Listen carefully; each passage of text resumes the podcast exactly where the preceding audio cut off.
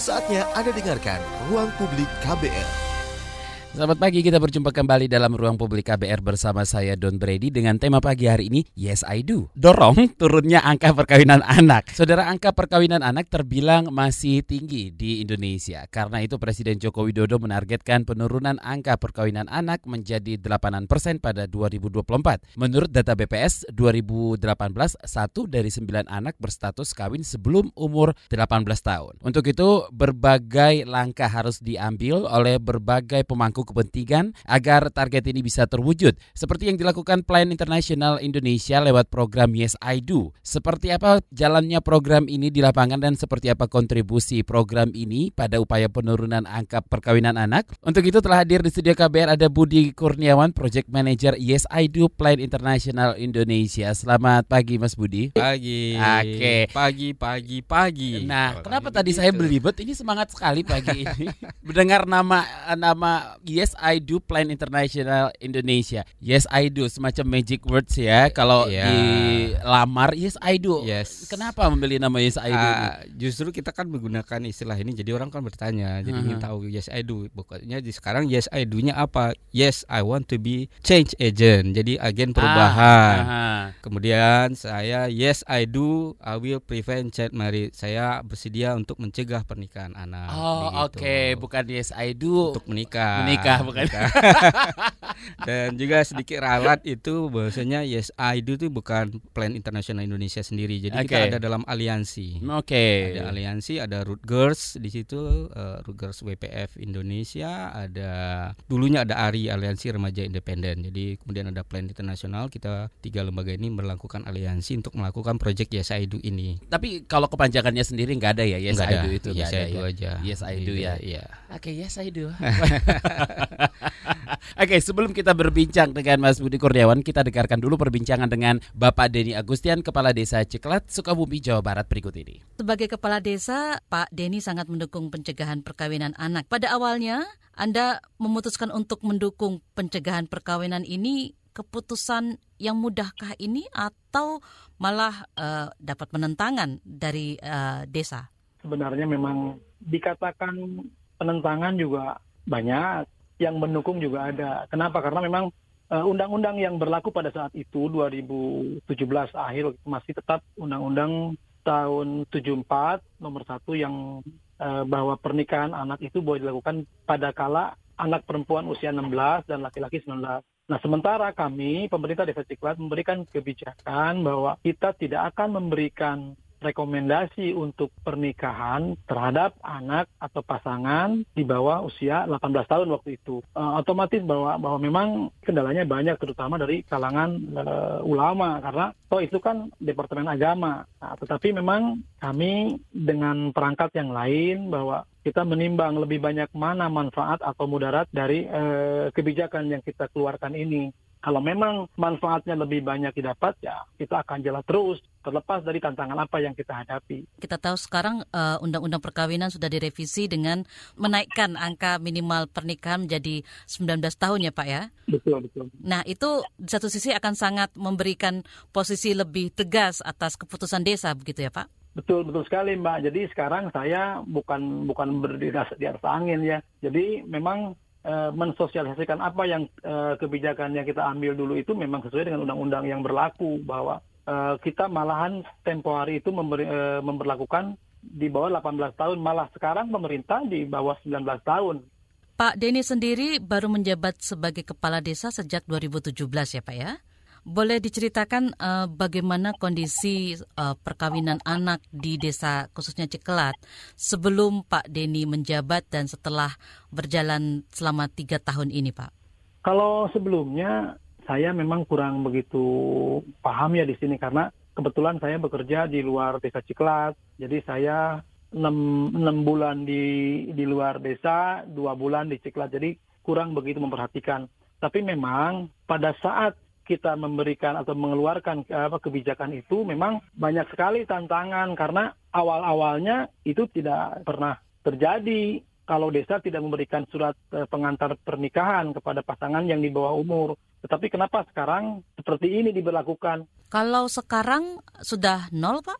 Kalau sekarang kalau nol sih kayaknya nggak juga ya, mungkin di belakang saya ada ada, ada juga mungkin ya. Tetapi memang saya juga sering menekankan pada saat-saat acara-acara pengajian mingguan atau di di DKM-DKM di wilayah Desa Ciklat bahwa pemerintah desa tidak akan mengeluarkan surat itu dan jangan pernah datang ke desa untuk memberitahukan ataupun e, meminta rekomendasi apa pun tentang perkawinan yang memang di bawah umur yang telah kami sepakati itu. Jadi alhamdulillah untuk saat ini kayaknya memang tidak ada ya untuk saat ini. Ada sanksinya kah dari desa bila nah, tetap masih orang tua ada yang menikahkan anak yang di bawah umur begitu? Nah itu yang jadi permasalahan uh, Mbak Fitri bahwa memang kita hanya memberikan sanksi administrasi bahwa pemerintah desa tidak akan memberikan rekomendasi apa pun kepada memang uh, pasangan yang menikah di bawah umur tersebut. Tapi mudah-mudahan bahwa dengan kesadaran masyarakat ya karena manfaat yang ditimbulkan dan bahaya yang ditimbulkan daripada pernikahan di bawah umur itu tidak harus ada sanksi tapi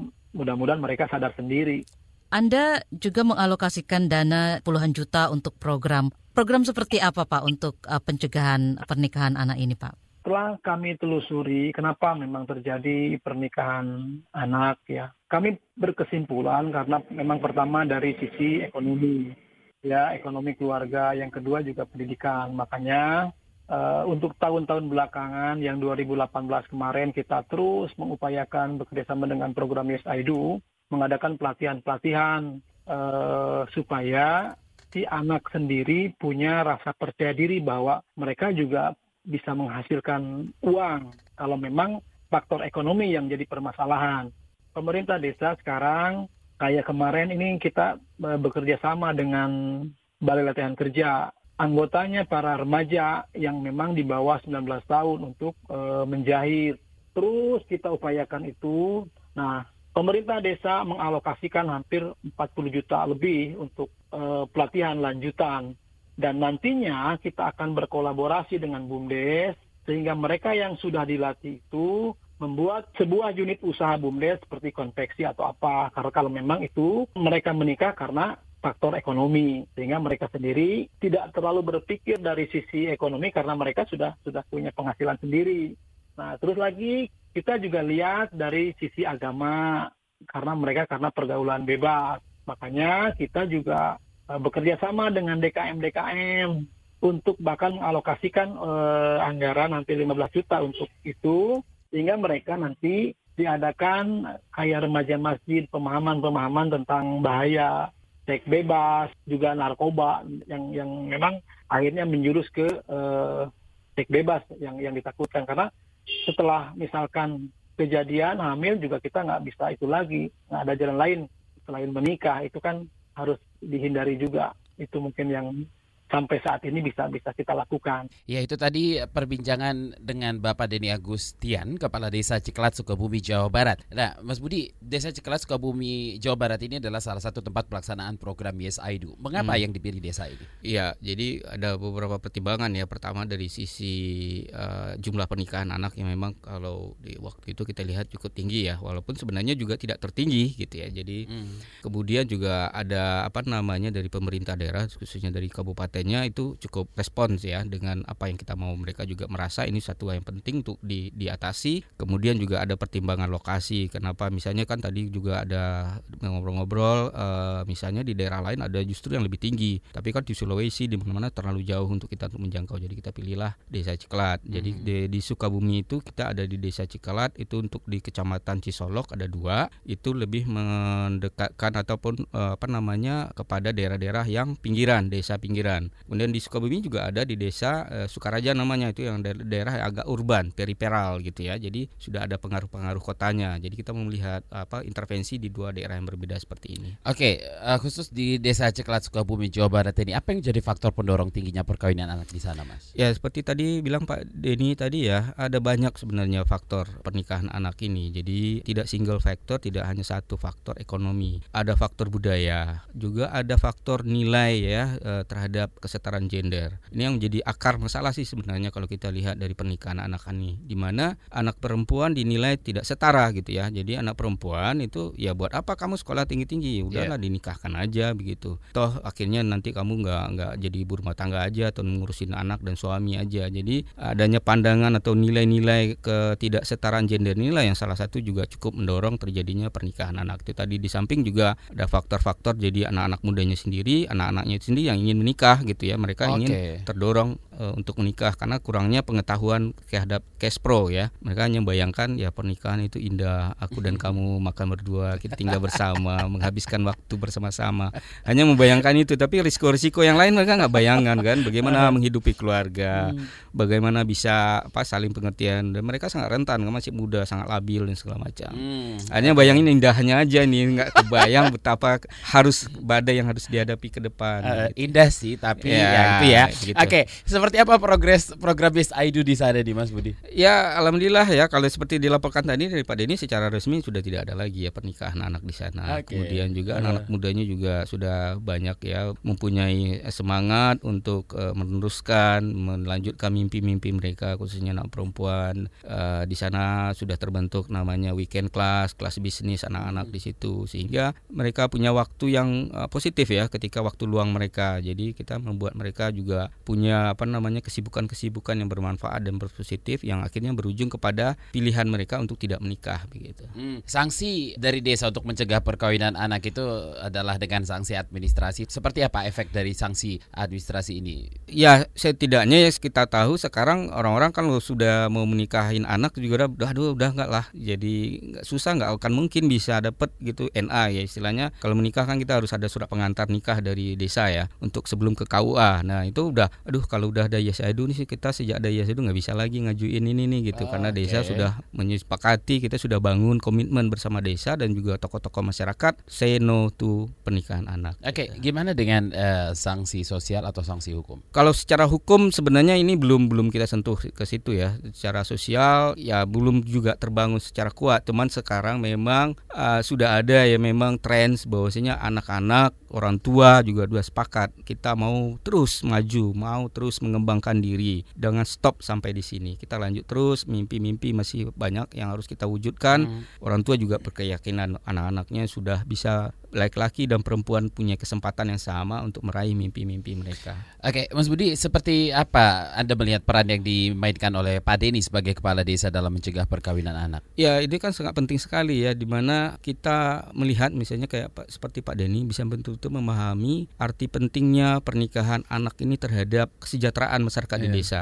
Nah, jujur kan masih banyak misalnya di beberapa tempat yang kita temui, kita datangi, desa-desa yang masih menganggap persoalan pernikahan anak, persoalan perlindungan anak ini ada persoalan yang ya remeh-temeh tidak penting lah. Aduh hmm. Pak, saya sudah banyak sekali ini masalah nih bangun jembatan, sawah, irigasi dan lain ini ngurusin anak lagi. Yeah, yeah. Padahal ya nasib desa ini ke depan, nasib bangsa ini ke depan tentukan bagaimana kita memperlakukan anak kita saat ini. 5-10 tahun lagi desa ini bagaimana nasibnya, bagaimana kondisinya tergantung bagaimana kita memperlakukan anak saya ini. Kalau kita memperlakukan mereka dengan baik, tiada pernikahan anak, mimpi-mimpi mereka bisa terwujud, mereka bisa mengedukasi, tumbuh motivasi inisiatif dan segala macam pastilah mereka akan menjadi sumber daya desa itu sendiri untuk membangun ke depan. Mm -hmm. Jadi kita sudah melihat bahwasanya pernikahan anak itu tidak hanya dampaknya kepada anak perempuan itu sendiri, tidak hanya kepada pasangannya itu sendiri, tetapi juga berdampak kepada keluarganya, pada masyarakatnya, juga kepada daerah itu sendiri. Jadi uh, dari riset per, dari Bank Dunia sudah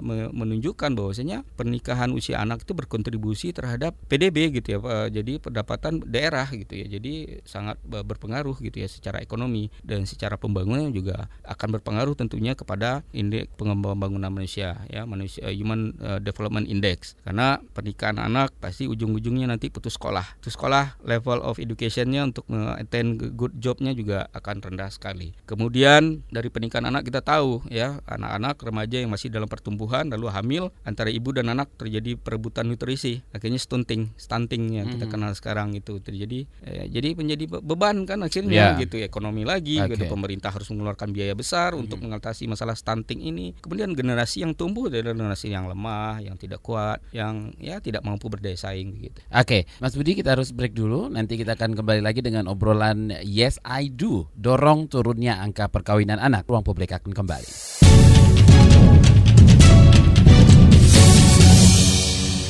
Anda masih mendengarkan Ruang Publik KBR dengan tema Yes I Do, dorong turunnya angka perkawinan anak, masih bersama Budi Kurniawan, Project Manager Yes I Do. Oke, Mas Budi, apa yang sebaiknya dilakukan agar makin banyak kepala desa di tempat lain yang punya concern seperti Pak Deni tadi? Ya, tentu saja tentu sosialisasi ya, sosialisasi uh. dan memberikan pengertian kepada mereka pentingnya ataupun uh, signifikannya upaya uh, perlindungan anak secara umum dan pernikahan yeah. anak secara khusus begitu terhadap berbagai aspek di desa, kesehatan, pertumbuhan ekonomi dan lain-lain. Jadi persoalan anak tidak hanya soal anak loh gitu loh, banyak loh menyangkut ke mana-mana sebenarnya. Jadi pahamilah, jadi jadikanlah ya kalaupun tidak jadi prioritas utama, setidaknya sejajarlah dengan bidang-bidang pembangunan yang lain gitu ya. Jadi jangan hanya pikirin bangun jalan, irigasi hmm. dan lain-lain, tapi alokasikan juga dong pikiran juga dengan perlindungan anak. Karena semua yang dilakukan di desa akan jadi sia-sia kalau nanti generasi-generasi yang tumbuh di desa itu adalah generasi yang lemah, kemudian kemudian atau juga menjadi migran ya karena pendidikannya hanya sampai SMP, yeah. SD. Yeah. Lalu kerjaan apa? Ya udah jadi TKI, menjadi TKW atau menjadi guru pabrik yang ya begitu itu lima bulanan tidak punya inisiatif-inisiatif. Bagaimana mereka membangun desanya? Padahal sumber daya di desa mereka sangat luar biasa sekali. Seperti kita lihat Pak Denny sekarang mencoba kan menggali sumber daya-sumber daya yang ada di lokal di desanya, kemudian dia gali dan dikembangkan okay. bersama iya. anak-anak yeah. remajanya. Aha. Besok beliau akan hadir di Bapenas untuk menampilkan menampilkan produk-produk dari desanya itu. Oke. Okay. Mm -mm. Berarti dengan kata lain masih banyak kepala desa yang tidak memprioritaskan atau mensejarkan program ini. Iya, iya tidak hanya di desa, kabupaten juga ada oh, begitu ya. Bupati, okay. gubernur masih uh-huh. melengkap ya udahlah ini nggak begitu penting lah gitu ya. Kita angkat telepon dulu ada Pak yeah. Helon di Waingapu. Selamat pagi Pak Helon. Selamat pagi Bung Don. Iya Pak Helon, silakan. Yes, Edu. Yes. yes, chain agent. Ya. Yeah.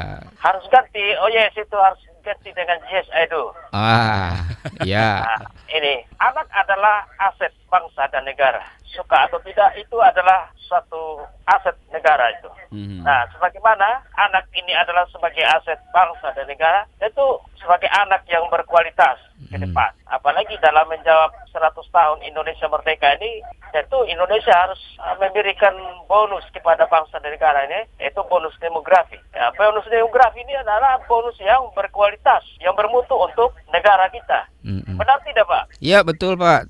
Tahun 2022 nah. nanti kita jadi negara apa namanya ya. bonus demografi karena ya. jumlah sumber daya manusia produktif kita menjadi nah. lebih besar ya. Ya masalah cara apa masalah mengenai angka perkawinan, anak, iya. Yang ini harus di uh, diperjuangkan terus, ya Pak.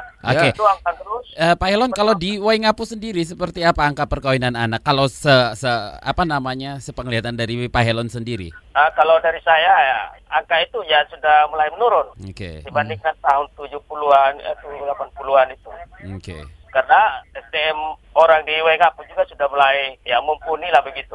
Oke, okay. hmm, baik. Dan angka kelahiran perkawinan anak di bawah usia itu sudah mulai ya menurun, bersyukurlah.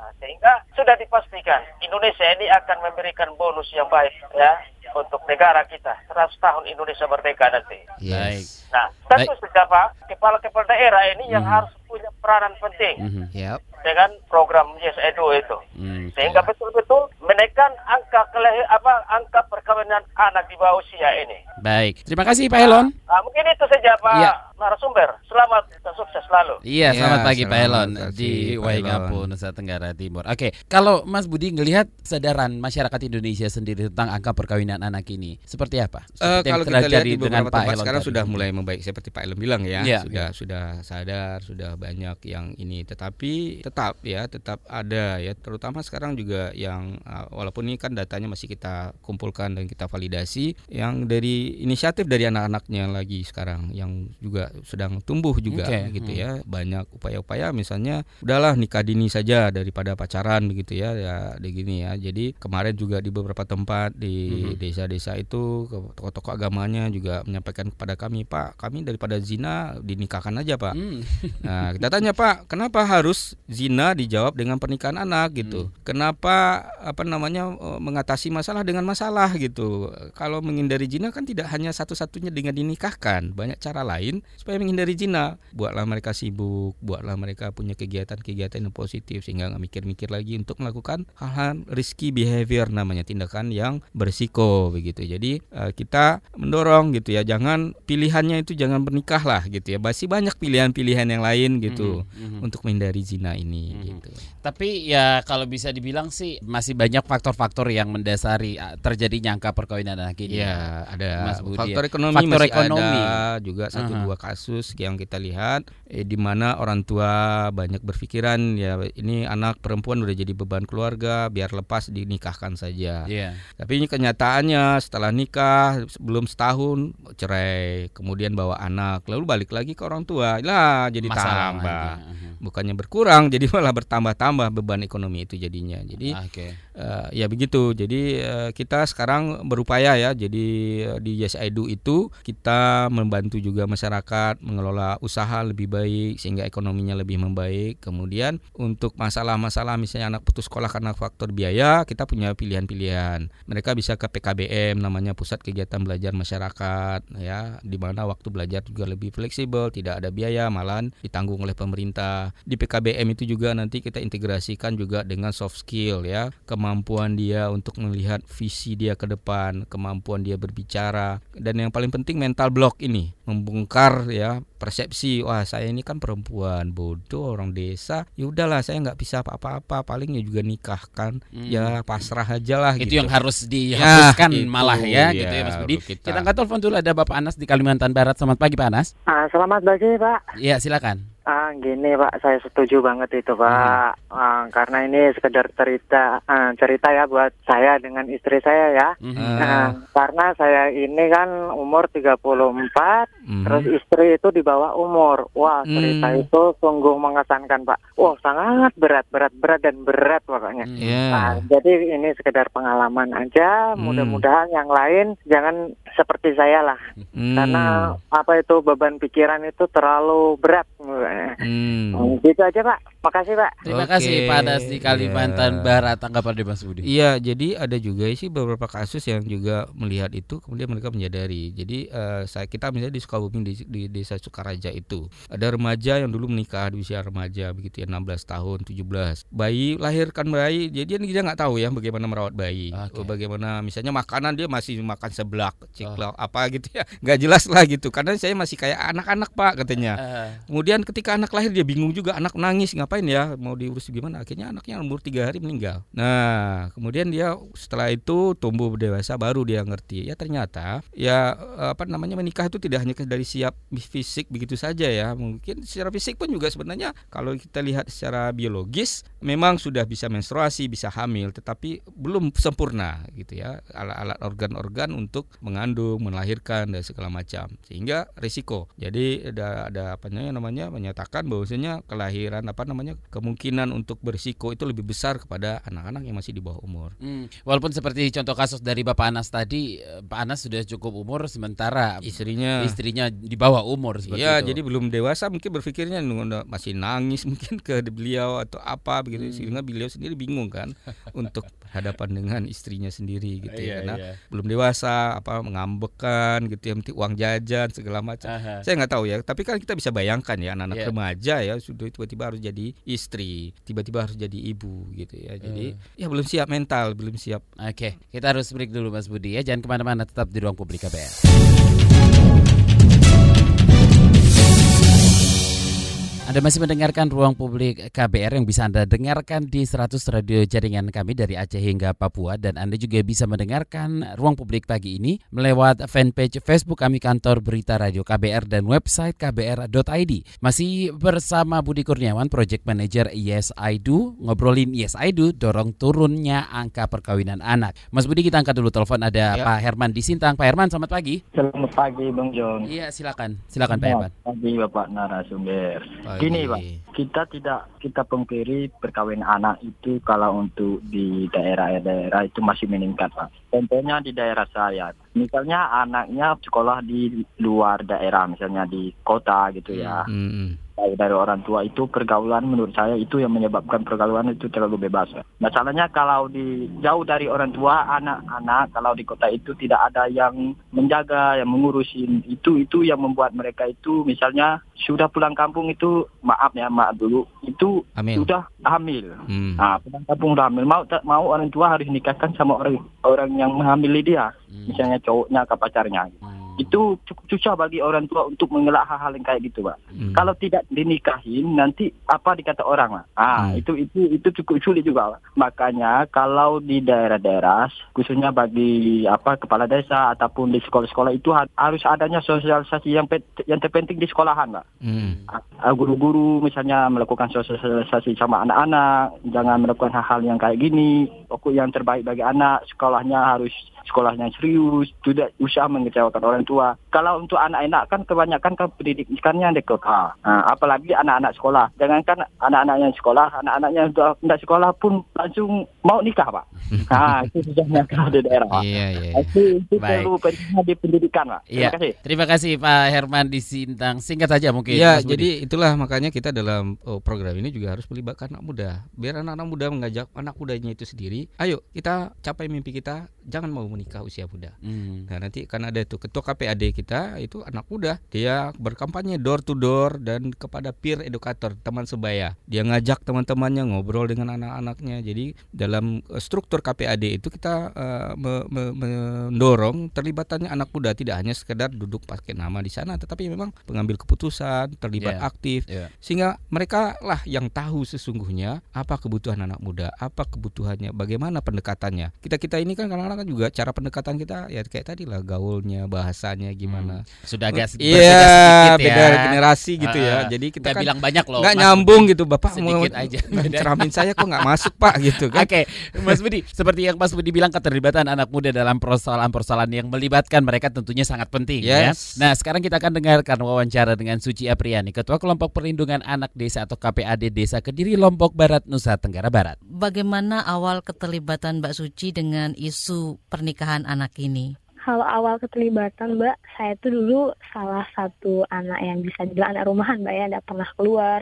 Kemudian salah satu yang bisa dibilang pasif karena memang belum pernah ada kegiatan ataupun isu yang seperti ini gitu masa di desa dulu ketika pas akhir tahun 2017 saya diikut sertakan oleh KPAD yang sudah dibentuk di Kediri di desa untuk menjadi salah satu fasilitator dialog. Nah di sini kan di desa saya tuh belum pernah ada nih kelompok yang menyediakan untuk dialog dialog seperti ini gitu itu jadi tantangan banget buat saya Mbak. Di awal-awal keterlibatan Mbak Suci tadi disebutkan ini adalah isu yang uh, berat ya. Boleh dijelaskan ya. kenapa ya? Karena kebanyakan memang anak di sini mengalami uh, perkawinan usia anak tapi tidak pernah dianggap sebagai suatu masalah. Ya, khususnya di desa Kediri, di desa saya. Mm -mm. Nah, terus kan ini pertama kali masuk program dari Do membawakan isu pencegahan perkawinan usia anak ini jadi tantangan buat saya. Karena pro kontra dari teman-teman yang di sekitar gitu kan banyak yang terjadi terus saya menyuarakan gitu. Ini loh dampaknya.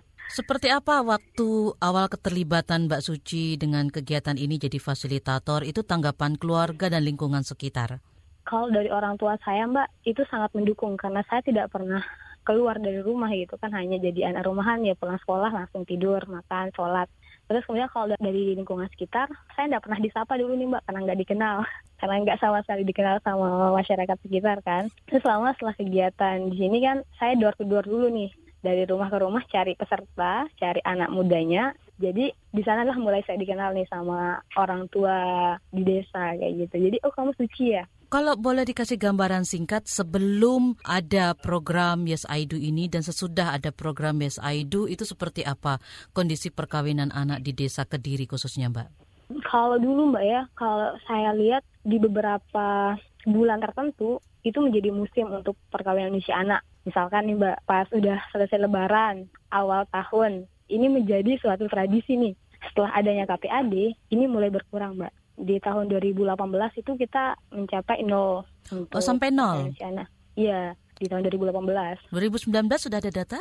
Nah kalau 2019 sudah mulai ada kelihatan mbak ketika tradisi ini kembali gitu kan pas awal tahun baru gitu kan sudah ada yang menikah itu sudah mulai pelaporan dari warga sudah sadar bahwa pernikahan usia anak itu udah jadi hal yang tidak boleh gitu banyak masalah banyak dampak buruknya gitu. Jadi warga sudah mulai melaporkan ke kami. Dengan kondisi seperti ini apa yang Mbak uh, Suci lakukan sebagai ketua KPAD kalau kami tetap melakukan kegiatan yang sudah kami rencanakan gitu kan untuk tetap menyuarakan bahwa ini loh dampaknya. Kemudian ini loh tantangan kita apa saja yang menjadi alasan anak-anak di desa itu mengalami pernikahan usia anak. Itu kita analisis jadi kita buatkan kegiatan mbak. Kegiatan apa saja itu mbak kalau untuk anak mudanya kita ada posyandu remaja karena anak-anak di sini masih belum uh, tahu tentang cash pro gitu hmm. kan mas. Kemudian ada kelas bisnis karena mereka nggak ada kegiatan untuk bisnis kayak gini mbak. Sebelumnya kan tidak pernah ada nih kelompok bisnis kayak gini untuk anak muda. Jadi kita buatkan agar mereka punya wawasan untuk membuat usaha. Kemudian ada kelompok dialog warga. Nah, di sana di, di dialog warga atau diskusi komunitas ini kita bahas terkait tentang apa saja dampak dari perkawinan usia anak, kemudian bagaimana cara mereka untuk menghindari nih perkawinan usia anak. Kita lihat apa yang bisa mereka bisa lakukan untuk usia anak. Terus kita juga ada untuk orang tua. Di dialog komunitas untuk orang tua ini kita memperlihatkan bahwa kalau menikahkan anak itu inilah dampaknya Bu, Bapak. Jadi mereka tuh udah ada pandangan gitu bahwa ketika mereka menikahkan anaknya banyak hal yang bakalan menjadi masalah. Tapi ketika ada kasus muncul di awal 2019 itu apakah ada semacam sanksi sosial begitu dari masyarakat untuk orang tua yang sudah menikahkan anaknya? Uh, desa Kediri sudah buat perdes Mbak terkait tentang usia perkawinan. Peraturan desa ya? Iya, peraturan desa. Pas 2019 ketika saya menjabat, itu saya mendengar ada perkawinan usia anak, jadi langsung turun uh, bersama pemerintahan desa. Ini apa ya kayak kasus gitu kan kasus setelah 0% itu kan ya. Mm -mm. ini kasus apa jadi kekurangan kita nih. Mm. nah di perdes itu kita sudah berbicarakan apa saja hal-hal yang bisa uh, kita lakukan nih untuk mencegah terjadinya perkawinan usia anak. Jadi perkawinan tetap terjadi pada saat itu yang kasus itu? Kalau untuk kasus itu 2019 iya. Tapi kalau 2020 kita berhasil dua untuk pencegahan perkawinan usia anak dari proses yang sudah Mbak Suci jalani, persoalan mendasar yang masih harus terus diatasi supaya kesadaran itu sudah tumbuh jadi tidak perlu ada yang digagalkan lagi untuk uh, orang tua yang mau menikahkan anaknya yang masih usia anak itu apa?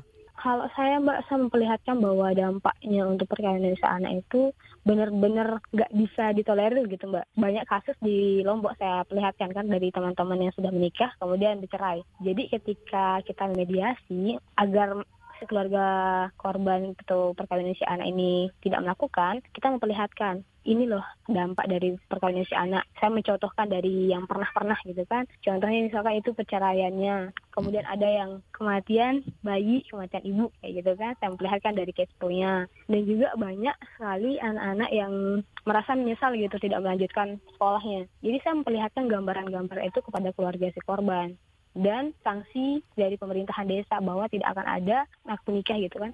Ataupun apa pun yang bisa di bantu sama kepala desa gitu kan itu diputus gitu ketika anaknya dinikahkan kita tidak memberikan pelayanan apa pun kepada si anak. Ya itu tadi perbincangan dengan Suci Apriani Ketua Kelompok Perlindungan Anak Desa KPAD Desa Kediri Lombok Barat Nusa Tenggara Barat. Mas Budi, seperti apa program Yes I Do ini mendorong keterlibatan anak muda dalam program semacam Yes I Do ini atau program lain yang bertujuan menekan angka perkawinan anak? Ya jadi jadi program Yes I Do itu sendiri ada lima pathway atau lima objektif ya. Jadi kita memahami bahwa persoalan pernikahan anak itu tidak single factor. Oleh sebab itu pendekatannya juga multi. Nah, salah satunya itu pendekatan adalah dengan melibatkan anak muda, partisipasi orang muda yang bermakna. Hmm. Yang bermakna di situ tentu saja tidak hanya sekedar masuk dalam daftar nama lalu mereka diam, tetapi kita berikan kesempatan mereka untuk bersuara. Nah, dari Plan Internasional Indonesia sendiri kita juga sekarang sedang mengimplementasikan namanya Champion of Change. Jadi kita melatih atau mengajak serang apa anak-anak muda melakukan serangkaian diskusi untuk merubah merubah ya pertama pola pikir mereka sendiri dan kemudian kemampuan untuk mengajak rekan sebaya mereka untuk bergerak bersama-sama mereka menggapai cita-cita mereka menjadi generasi yang bermutu. Hmm, Oke, okay.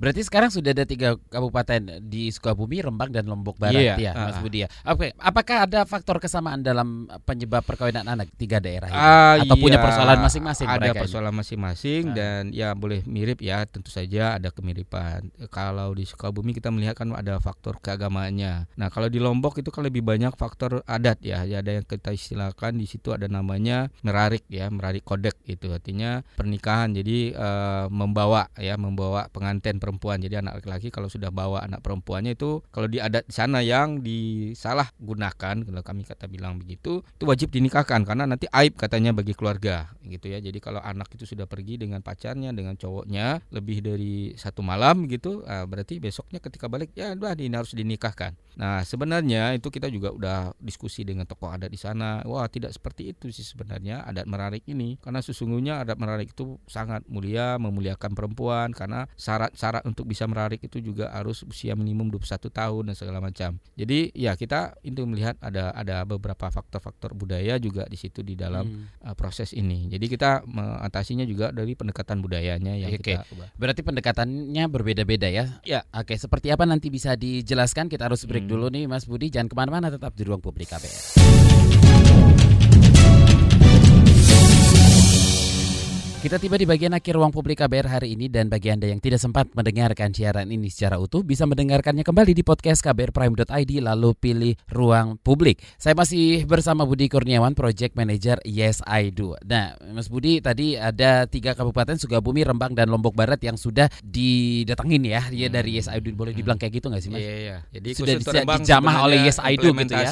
Rembang itu di handle atau di, iya. dipegang oleh mitra kami. Oke, okay, oke. Okay. Nah, berarti pendekatan kegiatan yang dilakukan di daerah masing-masing itu berbeda dari segi budayanya, kebudayaan dan uh, habit dari masyarakatnya seperti apa? Tidak secara berbeda banget ya, hmm. karena kita memang uh, pendekatannya di lima pathway itu tadi. Jadi kita hmm. pertama itu mendorong adanya gerakan sosial, social movement, social movement untuk merubah values tadi saya bilang tadi nilai-nilai okay. budaya, patriarki dan menganggap perempuan tidak setara, perempuan itu begini-begini itu yang kita gerakkan melalui agen-agen uh, perubahan ah, yang duduk okay. dalam KPAD itu uh. pathway pertama. Kemudian yang kedua itu kita bagaimana melibatkan anak muda secara bermakna eh, partisipasi, meaningful youth participation. Yang ketiga pendekatannya itu adalah memberikan akses informasi dan layanan cash pro, kesehatan reproduksi. Karena banyak remaja ya tidak tahu sisi sendiri mereka tentang cash pro-nya mereka sendiri, mereka tidak paham pubertas, mereka bingung juga kadang-kadang karena banyak yang menganggap pendidikan seks gitu ya masih tabu, hmm. mengenalkan itu alat-alat reproduksi mereka mereka dan segala macam. Hmm. Itu yang ketiga. Yang keempat adalah kita memberikan memastikan anak-anak itu untuk terus melakukan pendidikan sampai menikmatkan jenjang pendidikan SMA. Karena kita melihat uh, salah satu atau apa namanya faktor uh, terjadinya pernikahan adanya putus sekolah. Jadi kita memastikan anak-anak itu terus berlanjut sekolah dan juga yang keempat itu juga uh, pendekatan dengan memberikan kesempatan buat mereka untuk punya pilihan-pilihan lain selain menikah. Oh, saya punya pilihan kok. Saya punya ini walaupun saya nggak sekolah saya bisa berbisnis, saya bisa menjadi ini, saya bisa menjadi itu dan itu kita bukakan peluang. Dan kalau terakhir adalah yang penting juga itu adalah uh, advokasi kebijakan. Nah, ini yang kita dorong juga. Jadi di, alhamdulillah di semua desa kita sudah membuat perdes untuk memastikan tidak akan ada lagi pernikahan anak. Dan yang tak kalah penting tadi seperti tadi seperti Pak Denny, ini kan tidak akan juga bisa bermanfaat atau tidak bisa kuat kalau tidak ada anggarannya, tidak ada bagaimana mereka melakukan diskusi berseri, melakukan kampanye dan itu kan butuh anggaran, terutama misalnya kelas bisnis. Mereka butuh modal, butuh pelatih dan segala macam. Nah, oleh sebab hmm. itu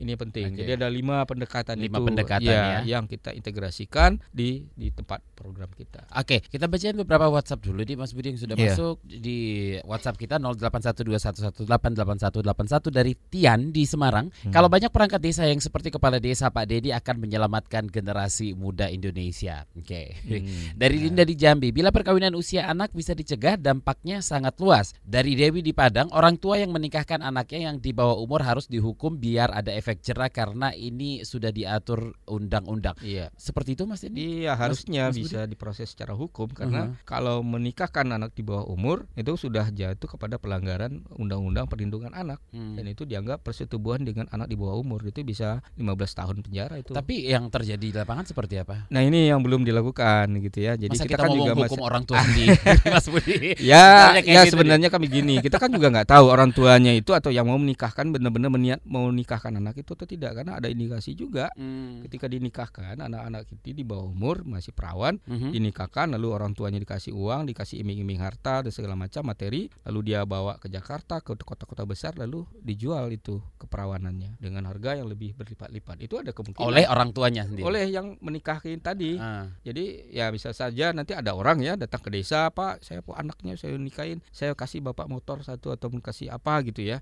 Nah tapi saya nikahkan anak. Tapi dia tadi sebenarnya tidak melakukan apa-apa juga terhadap hmm. anaknya diajak ke Jakarta atau ke mana kemudian di sana nanti dijual lagi pada orang-orang yang percaya begitu ya. Kalau ya dengan anak perawan bisa jadi tambah muda dan segala macam hmm. segala macam. Itu bisa jadi gitu. Trafficking dong trafficking hmm. juga ada bisa jadi trafficking gitu ya di bujuk rayu lalu dipekerjakan di klub-klub malam di panti-panti pijat dan lain-lain. Berarti alasan ekonomi? Ya bisa jadi begitu ya. Jadi kan makanya ada ada nanti kita harapkan ke depan tentunya ada proses-proses hukum juga. Biar kan tidak main-main lagi. Ini persoalan uh, pernikahan anak. Kalau memang dilakukan tidak sesuai dengan aturan hukum. Memang kan masih ada celah ya. Sebenarnya anak di bawah umur masih ada dispensasi nikah namanya. Tapi sekarang dari Mahkamah Agung kepada pengadilan agama itu diminta untuk tidak sekedar mudah saja mengeluarkan. Jadi dispensasi nikah. Kalau dulu kan orang tua datang ke tuh kalau ditolak oleh KUA ini di bawah umur belum bisa. Nah mereka datang ke pengadilan agama bilang ke pengadilan ke hakim Pak hakim kami sudah habiskan uang ratusan juta nih untuk persiapan nikah anak. Tolong dong disetujui.